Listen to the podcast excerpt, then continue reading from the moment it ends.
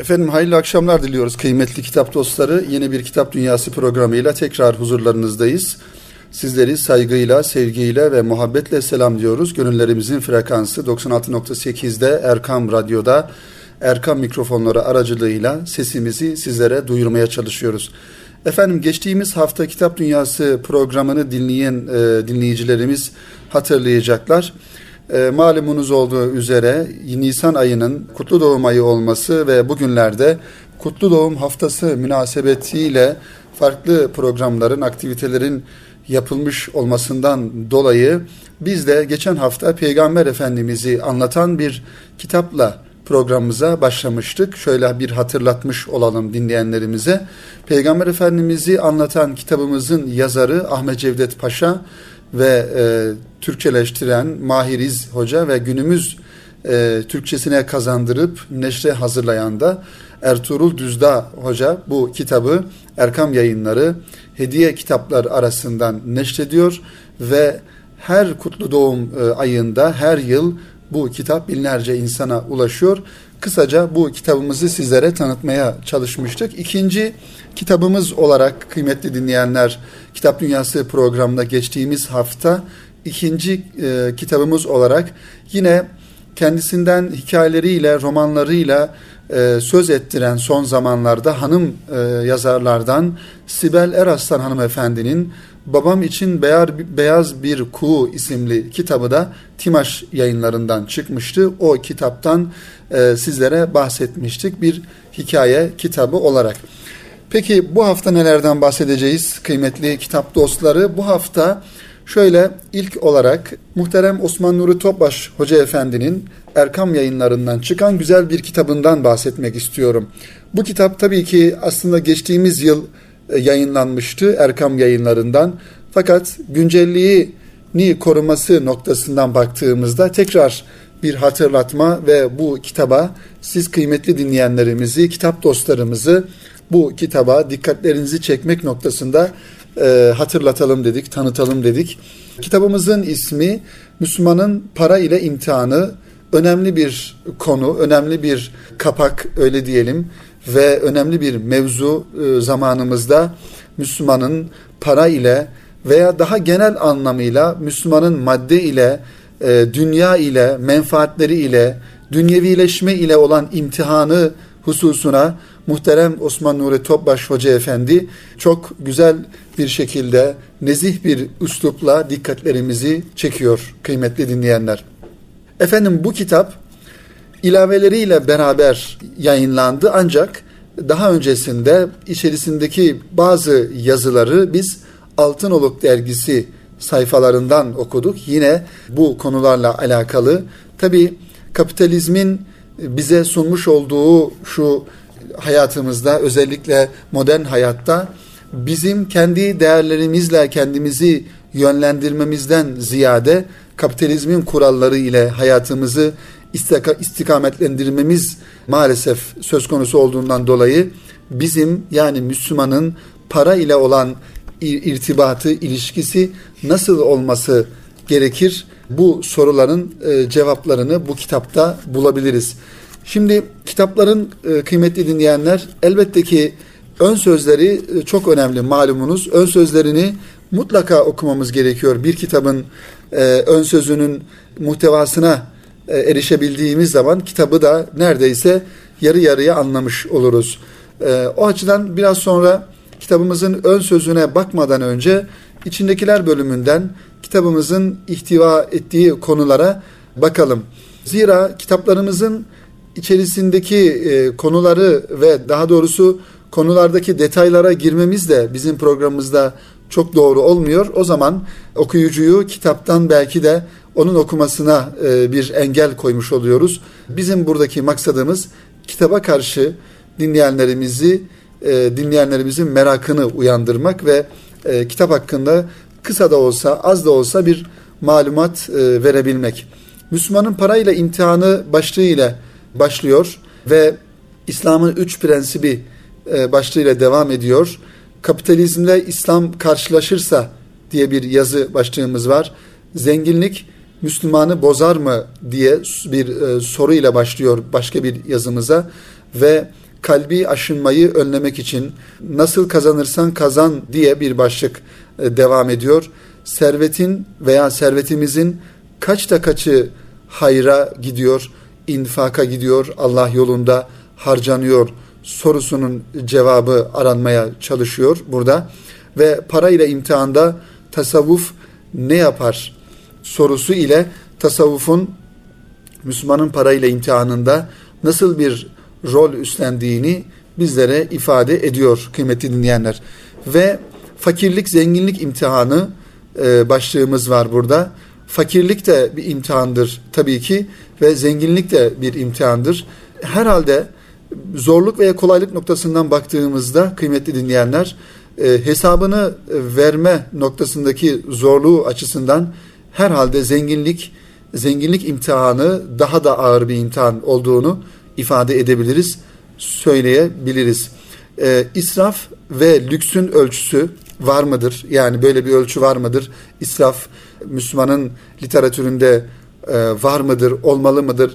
Lüks dediğimiz şey nedir? Konfor dediğimiz şey nedir? Ve Müslüman bunu e, nasıl yaşaması gerekir?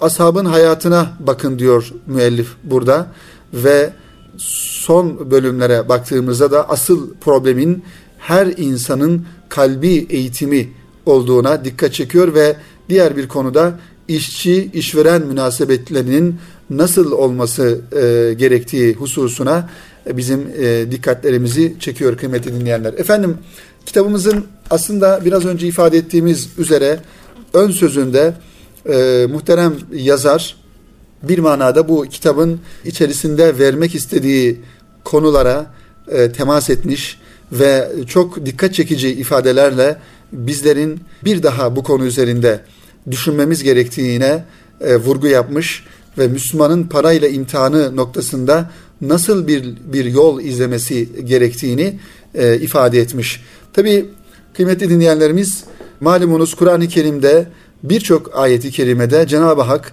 Müslümanların infak etmeleri etmelerini istiyor ve Müslümanların özelliklerini, müminlerin hususiyetlerini ifade ederken Kur'an-ı Kerim'deki ayeti kerimelerle Müslümanların namaz kılan insanlar olduğunu ve arkasından zekatı veren e, veya infak eden e, insanlar olduğunun altını çiziyor Kur'an-ı Kerim'deki ayet-i kerimelerde ve Bakara suresinin ilk daha ayet-i kerimelerinde yani Elif Lam Mim diye başlayan ayet-i kerimelerinde onlar diyor Cenab-ı Hak o müminler ki gayba iman ederler, namaz kılarlar ve zekatlarını verirler diye Cenab-ı Hak Müslümanların e, bir özelliğinin de zekatlarını e, vermek olduğunu yani Allah yolunda harcamak olduğunu, Allah yolunda infak etmek olduğunu ifade ediyor Rabbimiz. Şimdi bu kitabımızın şöyle satır e, ön sözündeki bazı satırlarından hareketle kitabımıza biraz daha yakından bir e, bakış sergileyelim kıymetli dinleyenler. Diyor ki yazarımız unutmamak gerekir ki yüce dinimiz İslam bir inanç sistemi olduğu kadar aynı zamanda bir hayat nizamıdır. Bizim için ideal olan bütün ameli kaideleri de ihtiva eder bizim dinimiz. Çünkü hayatın her safhasını inceden inceye tanzim eden bir hukuk sistemine, son derece hassas bir ölçüler manzumesine ve mükemmel bir dünya görüşüne sahiptir. Üç tane asıl mesele burada kıymetli dinleyenlerimiz İslam'ın içerisinde barındırmış olduğu hayatı inceden inceye, bütün hayatı, hayatın her alanını, Müslümanın, gayrimüslimin, inananın, inanmayanın, büyüğün, küçüğün, zayıfın, güçlünün, zenginin, fakirin, bütün insanların hayatını inceden inceye tanzim eden bir hukuk sistemidir İslam ve aynı zamanda son derece hassas bir ölçüler manzumesidir diyor ve İslam'ın her kuralı insan için bir ölçüler manzumesidir ve ölçüler koymuştur. İnsan daha doğrusu Müslüman İslam'a tabi olan insan olarak İslam dairesi içerisine girmiş olan bir insan olarak hayatının her noktasında İslam'ın koymuş olduğu bir ölçünün olduğunun farkındadır ve bu ölçülere de bu ölçülere göre de hareket etmesi gerektiğinin şuurundadır. Ve yine İslam mükemmel bir dünya görüşüne sahiptir. Dünyaya niçin geldiğimizi, Müslümanın dünyaya nasıl bakması gerektiğini, dünyayı nasıl algılaması gerektiğini de yine aynı şekilde İslam bize öğretiyor kıymetli dinleyenlerimiz. Yani İslam Müslümanın inanç ve ibadet hayatını şekillendirdiği gibi onun ahlakını, muamelatını ve bilhassa hak ve hukuka riayet gibi beşeri münasebetlerini de ilahi ölçülerle tanzim eder. Dolayısıyla İslam'ı ruh ve şekil bakımından layıkıyla hazmederek onu adeta bir gül rayihası gibi benliğinin bütün zerrelerine sindirebilmiş bir Müslüman her şeyden önce rızayı ilahi istikametinde yürümeye çalışan zarif, derin ve hassas bir denge insanıdır. İşte burada da kıymetli dinleyenlerimiz muhterem müellif kitabımızın yazarı Osman Nuri Topbaş Hoca Efendi aslında bir Müslüman tarifi yapmış oluyor. O da şu şekilde İslam'ı gerçek anlamda hazmeden bir Müslüman adeta bir gül raihası gibi İslam'ı benliğinin bütün zerrelerine e, sindirebilmiş bir insandır ve bu Müslüman aynı zamanda rızayı ilahi istikametinde yürümeye çalışır ve bu Müslümanın en öz, e, bariz özellikleri de zarif insan olması, derin ve hassas bir denge insanı olmasıdır.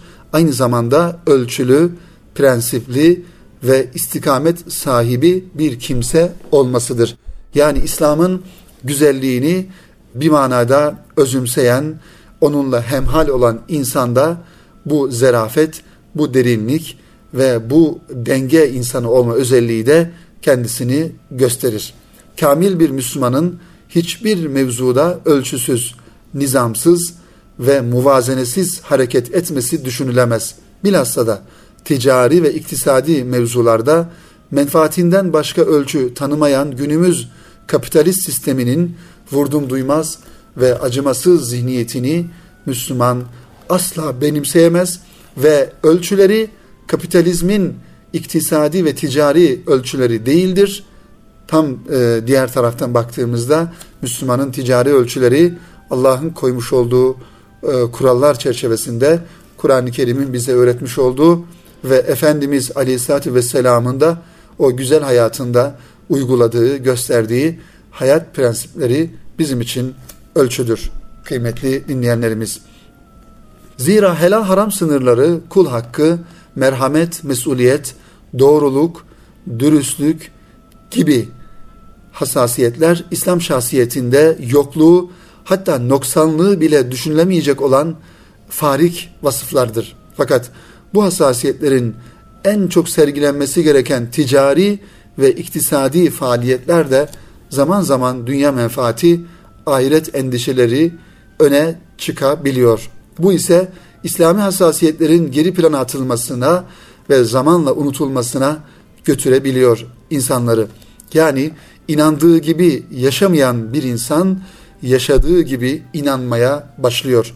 Yani kıymetli dinleyenler ticari hayatında, iktisadi hayatında ve iş hayatında eğer ki bir e, Müslüman İslam'ın koymuş olduğu prensipleri, İslam'ın kurallarını hayatına e, geçirme gayretinde olmuyorsa bir zaman sonra e, çevresindeki insanların içinde yaşamış olduğu sosyal hayatın İslam'la uzaktan yakından ilgisi olmayan kuralları onun bir manada e, inancı haline gelmeye başlıyor.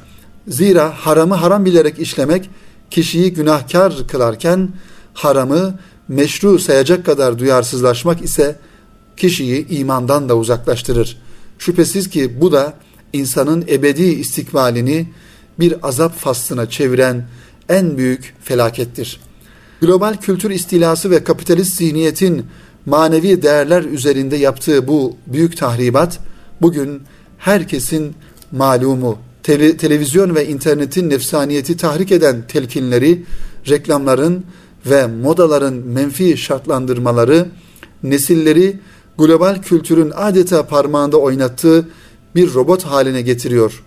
Başka dünyaların insanlarına dönüştürüyor diyor yazarımız kıymetli dinleyenler ve şu şekilde devam ediyor. Diyebiliriz ki bugün silahlı işgallerin yerini parayı adeta bir silah gibi kullanmak suretiyle ortaya çıkan medyanın kültür işgali almış bulunmaktadır.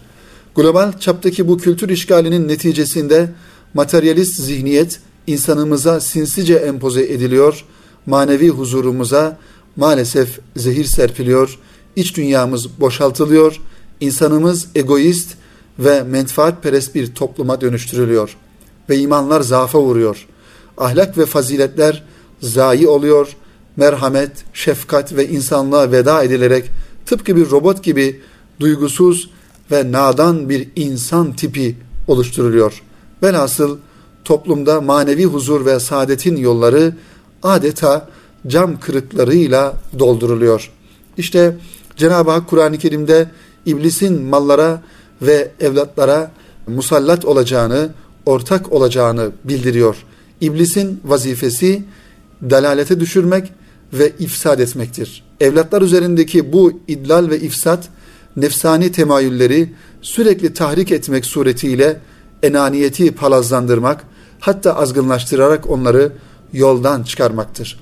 Mallar üzerindeki ifsadı ise helali haramla değiştirecek veya karıştıracak derecede insanları gaflet batağına düşürmektir diye bu kitabın kıymeti dinleyenler ön söz bölümünde, giriş bölümünde muhterem Osman Nuri Topbaş Hoca Efendi Müslümanın parayla imtihanı e, kitabında bizlerin dikkatini bu konulara çekiyor.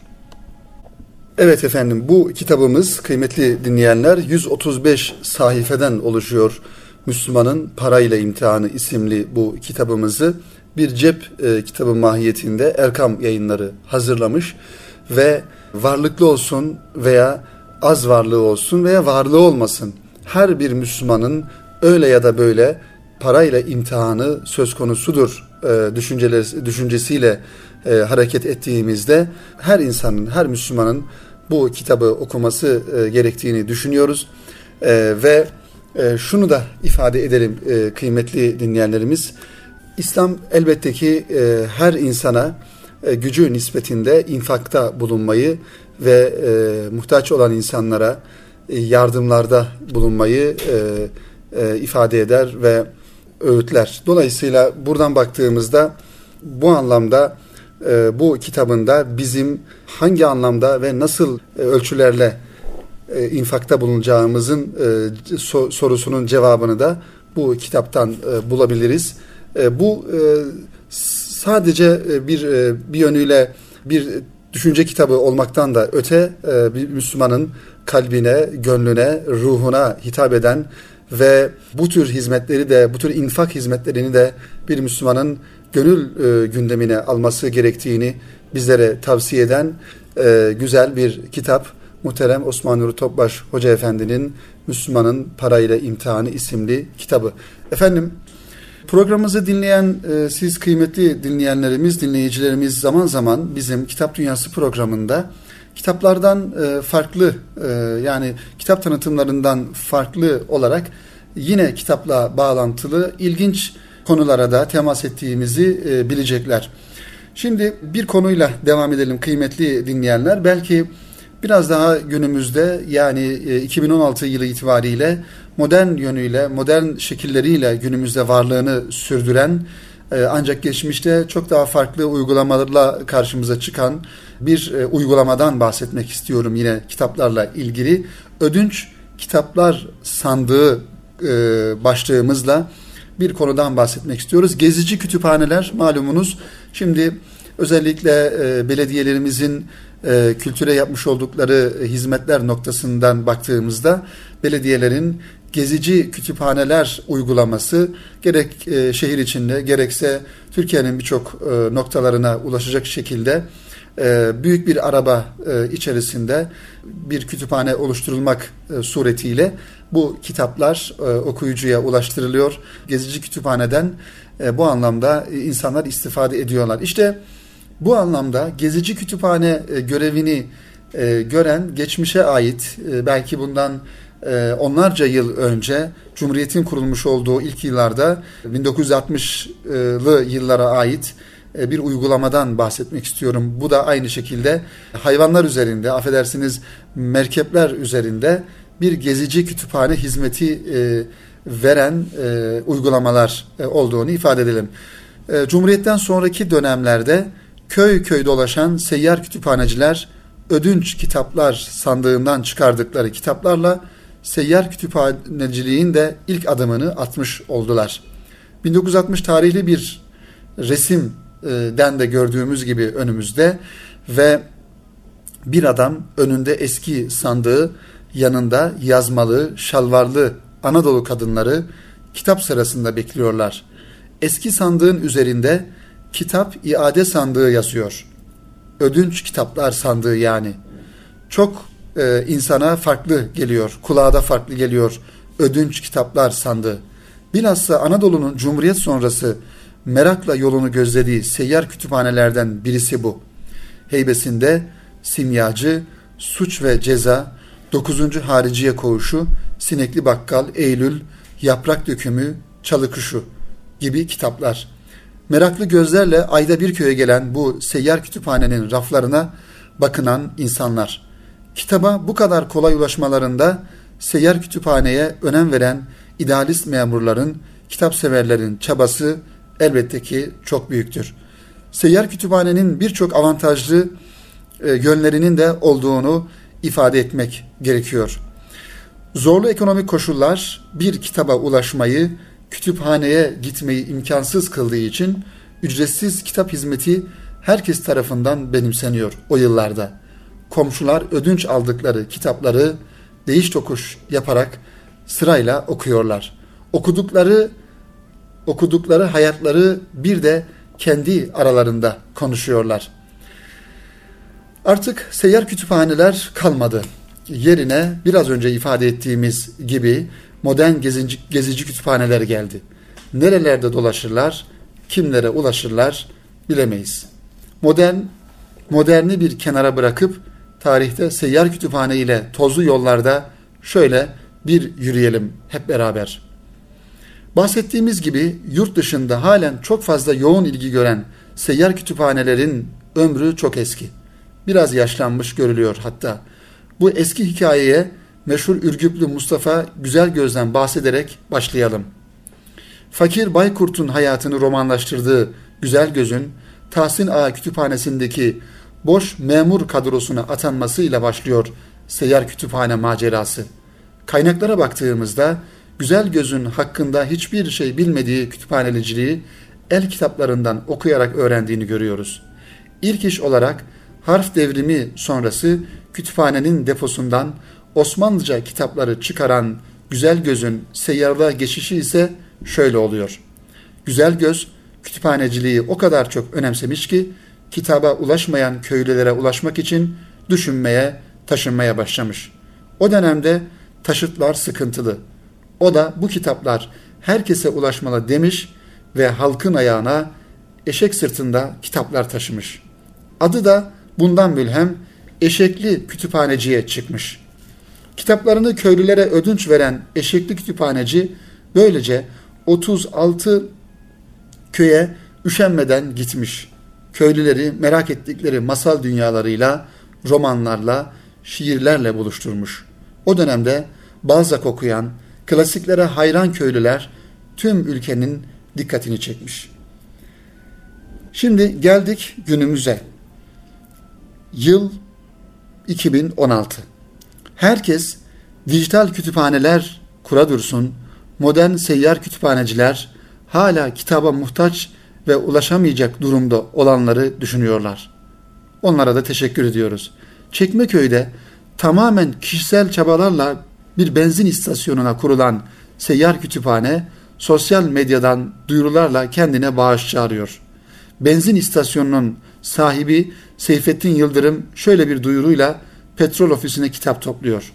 Okunmuş kitaplarımızı ders kitapları da dahil atmayalım, yakmayalım, Çekmeköy'de benzin istasyonumuza getirin, paylaşalım. Bize gereksiz olan bir başkasına çok gerekli olabilir. Paylaşmak zenginliktir. Petrol ofisinde toplanan kitaplar ihtiyaç sahiplerine dağıtılıyor. Aslında bu kütüphane bize kitaplar için öyle koca şaşalı mekanların şart olmadığını apaçık gösteriyor. Dedik ya seyyar kütüphanecileri görmemiş bir nesiliz biz. Çok hayıflanmış olmayalım ki Vural Yılmaz'a biz bu petrol istasyonunda da rastlayabiliyoruz ve oradaki kitapları toplayan, kitapları getiren insanlara yardımcı olan ve seyyar kütüphaneye bir manada katkı sağlayan insanlardan birisi. Efendim bu anlamda zaman zaman Anadolu'nun farklı yerlerinde, farklı kütüphanelerde hatta değişik uygulamaların e, olduğunu da biliyoruz.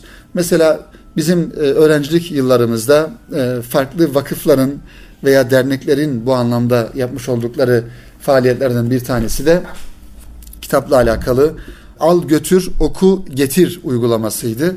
Herhangi bir ücret talep etmeden kitap okuyan e, insandan ya da öğrenciden herhangi bir ücret talep etmeden kitabı alıyorsunuz. Oraya bir kimlik bilgilerinizi bırakıyorsunuz ve kitabınız kitabı alıp okuyup getiriyorsunuz.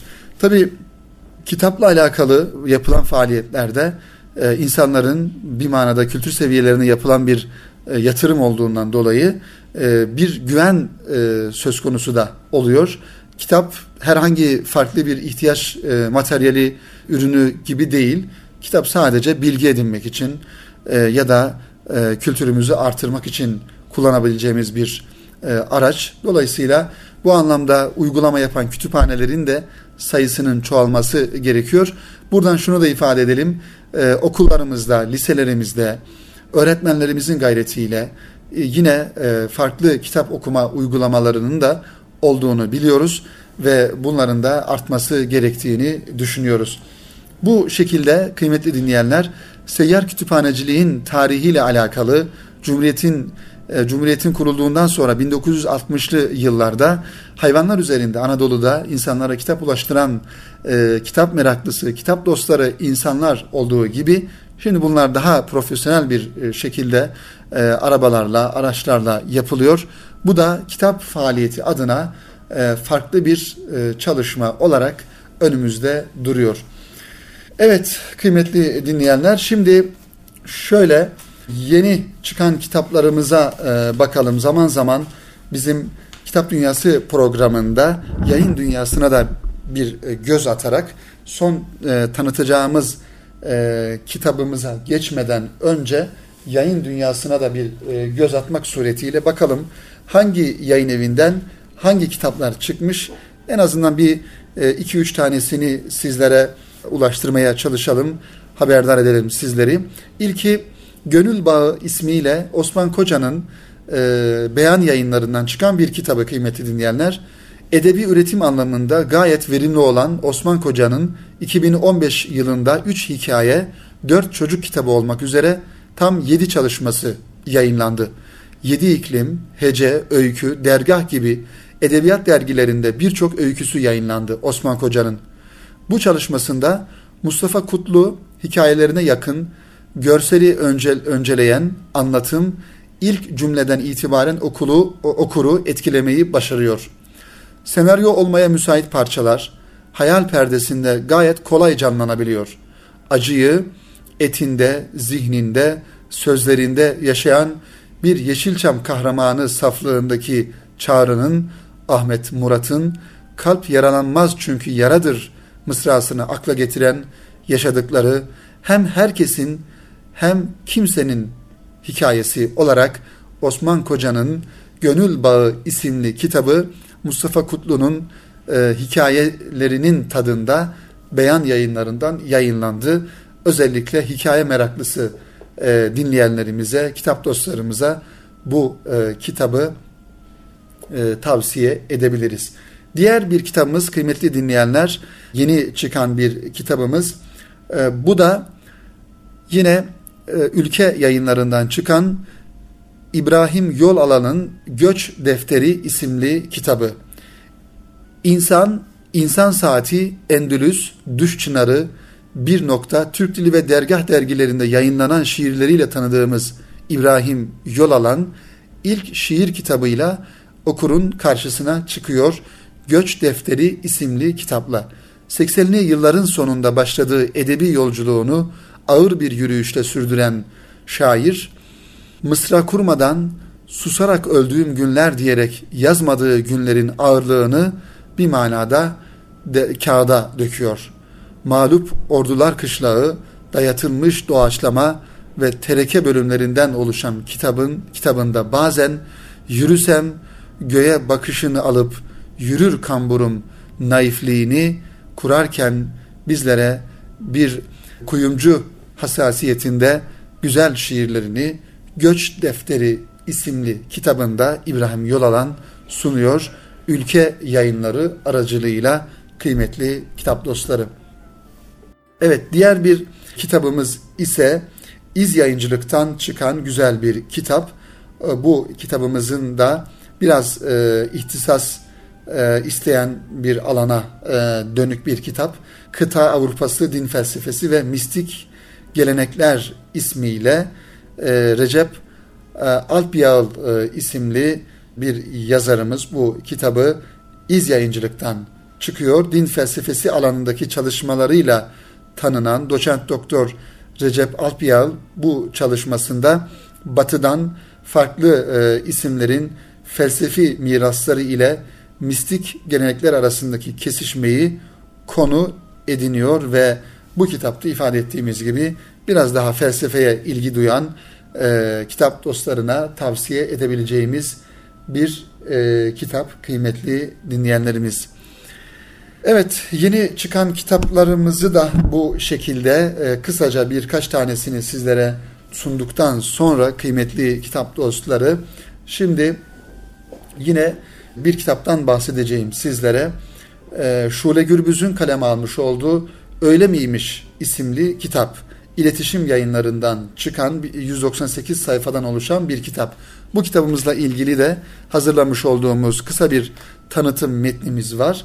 Bu tanıtım metnini de sizlere aktararak bakalım Şule Gürbüz hanımefendi Öyle miymiş isimli kitabından e, bizlere nelerden bahsediyor. Kitap cennet varken cinnet olabilir mi sorusuyla açılıyor. Cennet varken cinnet olabilir mi sorusuyla açılıyor. Bu soruyu bu soruyu soran Şule Gürbüz son kitabı öyle miymiş de cennet ile cinnet arasındaki yolculuk yapan insanı ve onun türlü hallerini bir saat tamircisi hassasiyetiyle anlatıyor. Dönen çarkların arasında ruhunu arayan bir dervişin sayıklamalarıyla bizi baş başa bırakıyor. Şule Gürbüz sözün gücünü kullanarak ona hakkını teslim ediyor bir manada. Bildik kurgulardan çok farklı olan kitap kaybettiğimiz, belki artık aramadığımız ama bir yerde özlemini çektiğimiz bir şeyleri yeniden hatırlatıyor bizlere. Öyle miymişin kapağının kutsal kitapları hatırlatması boşa değil. Allah'ın insana insan olmayı öğretmek için gönderdiği dört kitabın onu cennetten cinnete sürüklemesi de bir manada. Çünkü hiçbir şeyin yetmediği insana kitap yeter mi? diyor Şule Gürbüz. Ya da öyle şöyle diyelim. Şimdi gelse bir peygamber o daha ağzını açarken birisi bir manada devrin en hikmetli ve güven dolu sözünü söyleyiverir. Bugünün soru soran insanının sorusunu şu hikmetli sorusunu sorar. Ne diyorsun? Sen kime, neye göre ne söylüyorsun? Şule Gürbüz'ün kitabında kıymetli dinleyenler şiirsel bir dil gözümüze çarpıyor. Zamanın insanının içinden çıkamadığı cinnet kuyusu ve tüm bunları anlatan bir metin karşımızda. Gökten gelen kutsal kitaplardan, yerden biten filozoflardan, tüm bunları okuyup bir türlü yerini bulamayan insandan yükselen bir feryat, bir ses. Sanki bu sefer bir insan çıkıp Allah'a Ya Rabbi bak biz ne haldeyiz cümlesini kuracakmış gibi. Sanki bu sefer artık ne peygamber ne kutsal kitap gelecek olan insan kendi adını dilinin döndüğü sözcüklerle Allah'a anlatıyor. Tabii ki son gelen kitabı ve son gelen peygamberi de unutmadan. İnsan kan dökücü ve zalim ama dağın taşın istemediği iradeyi aldı diye sağa sola çalımlanmış. İnsan anlamadığını alır, anlayıp kıymetli bulduğunu da almaz. Bu yüzden adam olmaz. Melek boşa üzülme. İnsan bir şeydir zannetme. Sana verilmeyen iradeyi senin de olsaydı kullanabilirdim zannetme. İrade babanın iradesi de olabilir. Efendim programımızın sonuna doğru yaklaşırken yeni çıkan kitaplarımızı sizlere tanıttıktan sonra yine İslam ümmetinin, Müslümanların kanayan bir yarası olarak yıllardan beri belki neredeyse yarım asrı geçen bir zaman diliminden beri Müslümanların kanayan bir yarası olan Filistin'le alakalı ve oradaki işgalle alakalı çok ilginç ve farklı bir kitaptan bahsetmek istiyorum. E, bu kitap açılım e, kitaptan çıktı 2016 yılında ve e, tercüme eden Emrecan Ercan e, tercüme etti bu kitabı. Eyal Weizmann'ın Oyuk Topraklar İsrail'in İşgal Mimarisi isimli kitabı. Malumunuz kıymetli dinleyenlerimiz e, Filistin topraklarına İsrail'in saldırısı sadece silahlarla, tanklarla, tüfeklerle, e, bombalarla, mermilerle değil, e, bunun yanında bir taraftan işgalin bir parçası olarak mimariyi de yani toprak işgalini oralara binalar yaparak, evler yaparak, yerleşim yerleri oluşturarak da işgalin bir taraftan da e, farklı bir boyutunu görmüş oluyoruz. İşte sizlere birazdan bahsedeceğim, e, aktaracağım bu kitabın muhtevası da İsrail'in e, işgal mimarisi konusunu ihtiva eden ve Eyal Weizmann'ın kaleme almış olduğu tercümesini de Emrecan Ercan'ın yapmış olduğu bir kitap. Oyuk topraklar işgal edilmiş Filistin topraklarının 1967'den bu yana değişiminin bir incelemesi. Ama beklenilen bir tarzda bir işgal eleştirisi değil, çünkü askeri yöneticileri ve orduyu muhatap almıyor bu eleştiriler. Mimarların ve kent planlamacılarının suç ortaklığını bizlerin dikkatine sunuyor. Nasıl bir suç ortaklığı bu? İşgal edilen ve hali hazırda ikiye bölünmüş olan Filistin topraklarını ayırma, kapatılmış yollar, duvarlar, bariyerler, setler, barikatlar ve kontrol noktaları, steril alanlar, özel güvenlik alanları, kapalı askeri alanlar ve öldürme alanları halinde parçalara ayırmaktır mesela. Yani İsrail Filistin topraklarında bu isimlerle maalesef kapatılmış yollar diye bir tarafa böyle bir isim veriyor. Bir tarafa kontrol noktaları diye bir isimler veriyor. Bir tarafa özel güvenlik alanları diye alanlar çeviriyor, setler yapıyor, duvarlar örüyor ve bu şekilde bir işgal hareketi meydana getiriyor. Veya bir Filistin kasabasının ortasındaki bir tepeye elektrik direği dikmek mesela. Onu korumak için bir aile, onlara eşlik etsin, etsin diye birkaç aile, onları korusun diye güvenlik güçleri derken yeni bir yerleşim inşa etmek. İsraillerin oraya güvenli ulaşımı için kasabanın tam ortasından etrafı yine yüksek duvarlarla çevrili bir otoban geçirerek fiilen Filistin topraklarını parçalamak. Mesela Filistin toprakları derken altı da üstü de Filistinlilere ait bir toprağın değil, sadece yüzeyi Filistinlilere ait olan toprağın kastedilmesi, havayı, yer altını İsrail devletinin kontrol etmesi. O yüzden diyor Weizmann, İsrail-Filistin sorununu iki boyutlu bir haritaya bakarak anlamak mümkün değildir. Uzamsal boyutu da dikkate almak gerekir ve bunu dikeyliğin politikası olarak adlandırıyor yazar. Bu ve benzeri uygulamalar mimarinin ve kent planlamasının bir işgal aracı olarak nasıl kullanıldığına dair bize çarpıcı örnekler sunuyor.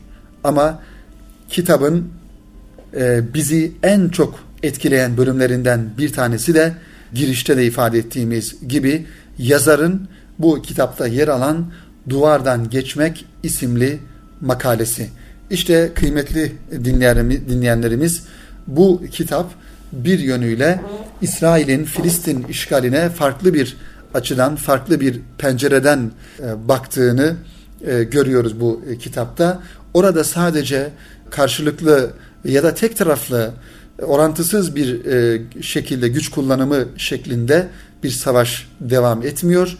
Bir taraftan da 1967 yılından itibaren adım adım karış karış İsrail tarafından Filistin topraklarının işgal edildiğini, gasp edildiğini biz zaten o yıllardaki harita ile bugün şu anda mevcut olan haritaya baktığımızda bunu çok e, açık bir şekilde e, görüyoruz. Maalesef e, bu da Müslümanların, bütün İslam devletlerinin, bütün Müslümanların oturup yeniden düşünmesi gereken önemli bir konu.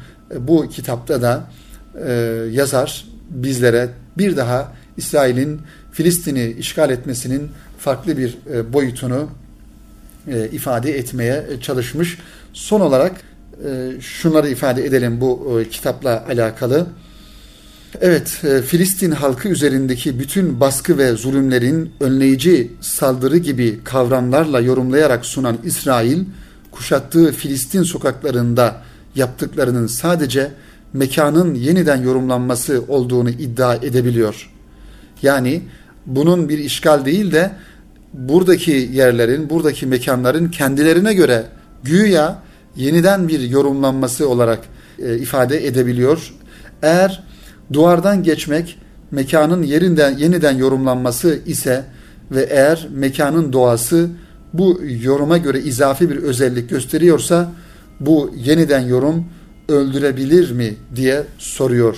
Yani insanların hayatını, insanların özgürlüğünü, hürriyetini kısıtlayan bir e, mekan yorumu gerçek anlamda bir mekanı yorumlama olabilir mi diye e, bu soruyu da yazar soruyor. İsrail'in e, yapmış olduğu e, bu işgale karşı bu kitabı hazırlanmış ve bizlerin de buna dikkatini çekmiş. Efendim Kitap Dünyası programının sonuna e, gelmiş bulunuyoruz kıymetli dinleyenler.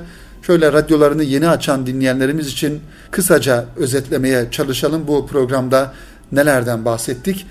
İlk olarak muhterem Osman Nuri Topbaş Hoca Efendi'nin Müslümanın Parayla İmtihanı isimli kitabından bahsettik. Erkam yayınlarından çıkan e, bir kitaptı ve bunun arkasından ilginç bir konu olarak seyyar kütüphanecilik konusuyla alakalı e, bir nostalji yapmaya çalıştık ve e, geçmişten örneklerle bu seyyar kütüphaneciliğin nasıl uygulandığını ve günümüzde de nasıl devam ettiği noktasında bilgiler paylaştık sizlerle. Daha sonrasında e, farklı yayın evlerinden yeni çıkan kitapların neler olduğunu paylaştık ve son olarak da Eyal Weizmann'ın e, Oyuk Topraklar İsrail'in İşgal Mimarisi isimli kitabını sizlere ulaştırmaya çalıştık ve sizlerle paylaşmaya çalıştık. Haftaya yeniden yeni kitaplarla ve yeni programlarla buluşmak ümidiyle hepinize kitaplarla süren bir yolculuk, kitaplarla süren bir